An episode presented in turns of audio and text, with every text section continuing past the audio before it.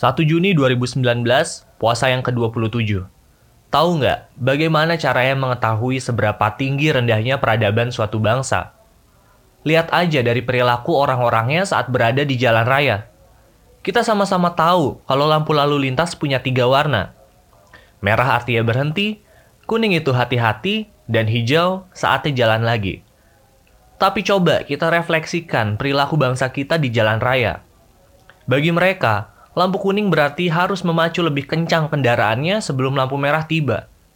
Atau juga, lampu kuning sebagai tanda kalau kita bisa melaju lebih dulu dari pengendara lain sebelum lampu lalu lintas menjadi hijau, disertai dengan iringan klakson dari segala penjuru.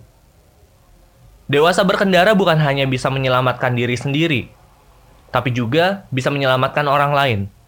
Yang mudik hati-hati di jalan dan selamat sampai tujuan. Thank you so much, gue Zaki Irwandi.